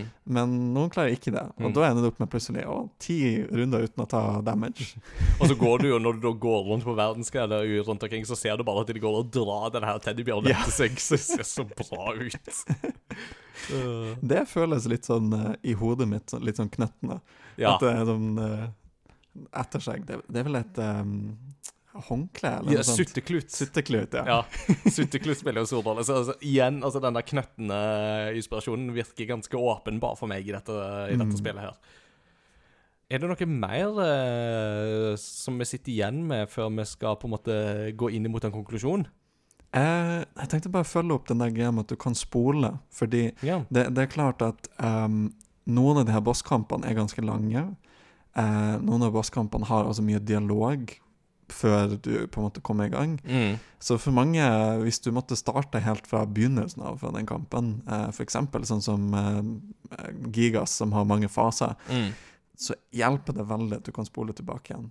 Fordi hvis du blir skikkelig uheldig med noe som skjer, så kan du på en måte spole tilbake igjen og se om noe annet skjer. Ja, ikke sant. Men det som jo er fint, er jo det at hvis du uansett skulle stryke med, Mm. eh, så får du jo med deg den XP-en du har tjent så Ja. langt. Eh, og det eneste du mister, det er jo halvparten av pengene du har på deg. Mm. Men det er jo der det kommer til nytte at det er jo din far som tar vare på det meste av pengene du har tjent så langt. Så du Ja. får det du det du har av penger så langt, og uh, samler opp av XP, det får du da med deg videre. Og så begynner du tilbake der du Mm. lagra sist. Og lagringa er jo når du ringer din far. Så du havner tilbake på nærmeste telefon. Eh, eller eh, som det er i Dalam, eh, du mm, dukker opp hos han hofftjeneren som har en frisyre som ser ut som en telefon. Ja. Uh, not sure that would fly today, men uh, herlighet så løye det er likevel. Det, Ja, og det er liksom med alle de tingene vi har sagt, så har vi ikke Jeg tror ikke vi har dekt halvparten av alle de rare og litt sånn absurd humorøyeblikkene du, du merker når du går inn til spillet. Mm. Det er noe som virkelig er med spillet hele veien. Jeg, jeg kom på i Onett, um, der, du, der du begynner spillet, så er det en fyr som prøver å selge et hus. Ja. Og ehm, du har jo ikke så mye penger. Han ber om sånn 7000 eh, dollar eller noe sånt. Mm. Og det har du ikke i begynnelsen, men etter hvert så får du faktisk så mye penger. Ja. Um, og da er det ikke så stort problem bare gå bort til han og kjøpe det. Så det han lover deg, at huset har en veldig fin og flott utsikt. Eh, og det har det for så vidt. Når du går inn i huset, så merker du at hele veggen baki mangler. Sånn at eh, Veldig god utsikt til hav og sol i bakgrunnen. Men desto mer trekk. ja. Åh, herlig. Jeg tror vi etter hvert har på en måte delt det meste vi har samla oss opp av inntrykk om Mm. dette spillet her nå, og da nærmer vi oss en konklusjon på denne episoden. Og det vi jo alltid avslutter disse mm, episodene med, er jo spørsmålet er spillet verdt å gå tilbake til. Enten det er første gang du skal spille det, eller det er et eh, tilbakeblikk. Eh, Er dette noe som er verdt å plukke opp i 2023 eller seinere? Um, hva tenker du i eh, denne forbindelse her? Uh, Jo, altså jeg tenker absolutt at det er, det er verdt å, å plukke opp. Um, det vil jo være med noen forbehold. Um, jeg tenker at man, man bør være kjent med JRPG uh, før man uh, gir seg løs på det. mm, Eh, fordi det, er- en del ting som som, noen ganger når vanskelighetsgraden blir litt, eh, blir litt høy, så lønner det seg å være kjent med liksom, hvilke muligheter du har i en JRPG med alle de ulike evnene som karakterer har og sånn. Og så kan det absolutt være et frustrasjonsmoment hvis du syns det er for tregt med sånn typisk eh, turn-based RPG-combat. mm, Um, Autobattlen kan kan jo hjelpe på det, um, men um, ja, det burde være noe som du syns er greit, da. Um, mm, og um, det er også enkelte ting som du bør vite. Liksom sånn som uh, å bruke Escargo Express til å uh, fjerne items når du, når du har for mange i og du ikke har lagringsplass til det. mm. Um, Ringe din mor med jevne mellomrom. ja. Husk å ringe mamma. Det er viktig, folkens. Uh, og så ja, kjøp flaskeraketter til, til Jeff Mm. eh, for å ha hans beste våpen. mm. Um, og ja, kjøp bamser der du finner en selger. Mm. Um, det er sånne nyttige tips, tenker jeg. Ja.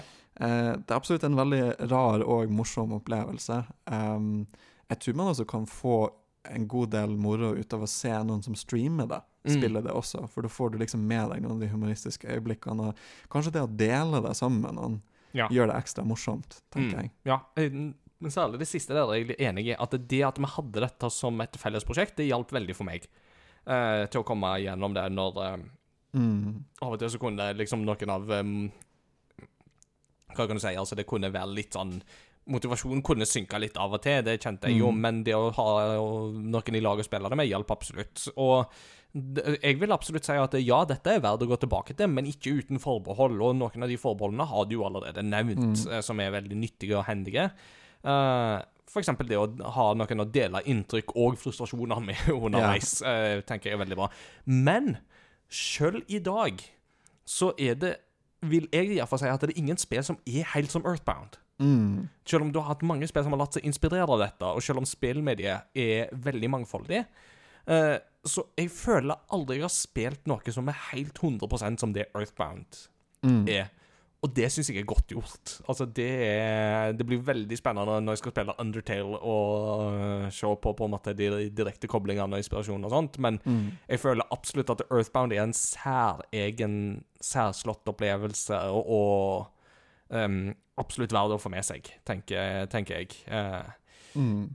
Det er ikke verdens mest actionorienterte, fast-paced spill. Det er det slettes ikke, og det er lenger enn du skulle tro. Det tar deg egentlig Ja. ganske lang tid å komme gjennom dette spillet. her. Du må ha fått klokka inn 30-35 timer før du er gjennom det, så det er nok det Mm. lengste prosjektet vi har hatt i uh, retrospillauget.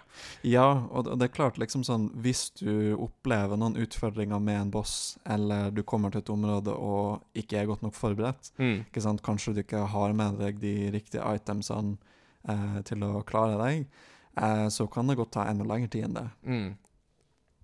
Men likevel så um, vil jeg si at Earthbound får eh, to tomler opp herifra. Mm. Fra, oss fra en tommel opp for oss begge, og da er det to tomler opp. Så, Yeah. yeah. Og jeg, jeg mener jo absolutt at uh, soundtracket er noe av det kuleste med Earthbound. Mm. Så eh, uansett om du har tenkt å spille det eller ikke, ta og sjekk ut uh, soundtracket. Mm. Og sjekk ut eh, coverlåter av soundtracket. Jeg vet jo at Insane Mm. in the Rain har jo mange varianter av uh, musikken for både fra hele Mother-serien. Mm. Eh, så det, her er det mye å hente, altså. Så ja, sjekk det ut, folkens. Uh, Snakke om musikk. Ved veis ende så har vi jo alltid et postludium. Um, jeg tenkte at på en måte så kunne vi jo tatt denne her Sanctuary Guardian-musikken og liksom uh, spilt den, men det er jo kanskje et tema som folk har hørt, tenker jeg. Ja. Uh, og kanskje vi klarer å flette det inn i den Kanskje jeg har fletta det inn i denne episoden når jeg har redigert den i etterkant. men, uh, men jeg tenkte kanskje vi kunne høre Venus Live, for Mm. eksempel, som er dette her uh, livestykket uh, som vi hører med Runaway Five og Venus som har bra, eh, type synginga. Ja, og, og det er jo liksom sånn Jeg vil si at det er den sangen som er det sterkeste innslaget av jazz Mm. uh, som man eh, får i spillet, som enda en sjanger som Earthband eh, spilles inn på. Absolutt. Og eh, det er aldri feil med litt jazz, folkens. Yes. Sigrun, tusen takk for at du var med på dette prosjektet. Eh, takk for at du var med i opptaket her nå. Og uh, hva som blir det neste spillet ut, det har vi ikke bestemt ennå, for stemmefristen går ut ved midnatt mens vi tar opp. Så dere får høre på den vanlige mm, neste episoden for å høre hva som blir vårt neste retrospill-laug-prosjekt. Men hvis du hører på og har lyst til å være med på dette her, så går du til crossovergaming.no, og så klikker du på lenka der til vår Discord-server. Og så har du en egen kanal som heter Retrospellauget, som du kan følge med på der. Takk for at dere hørte på. Vi snakkes neste korsvei. Fuzzy pickles! Fuzzy pickles!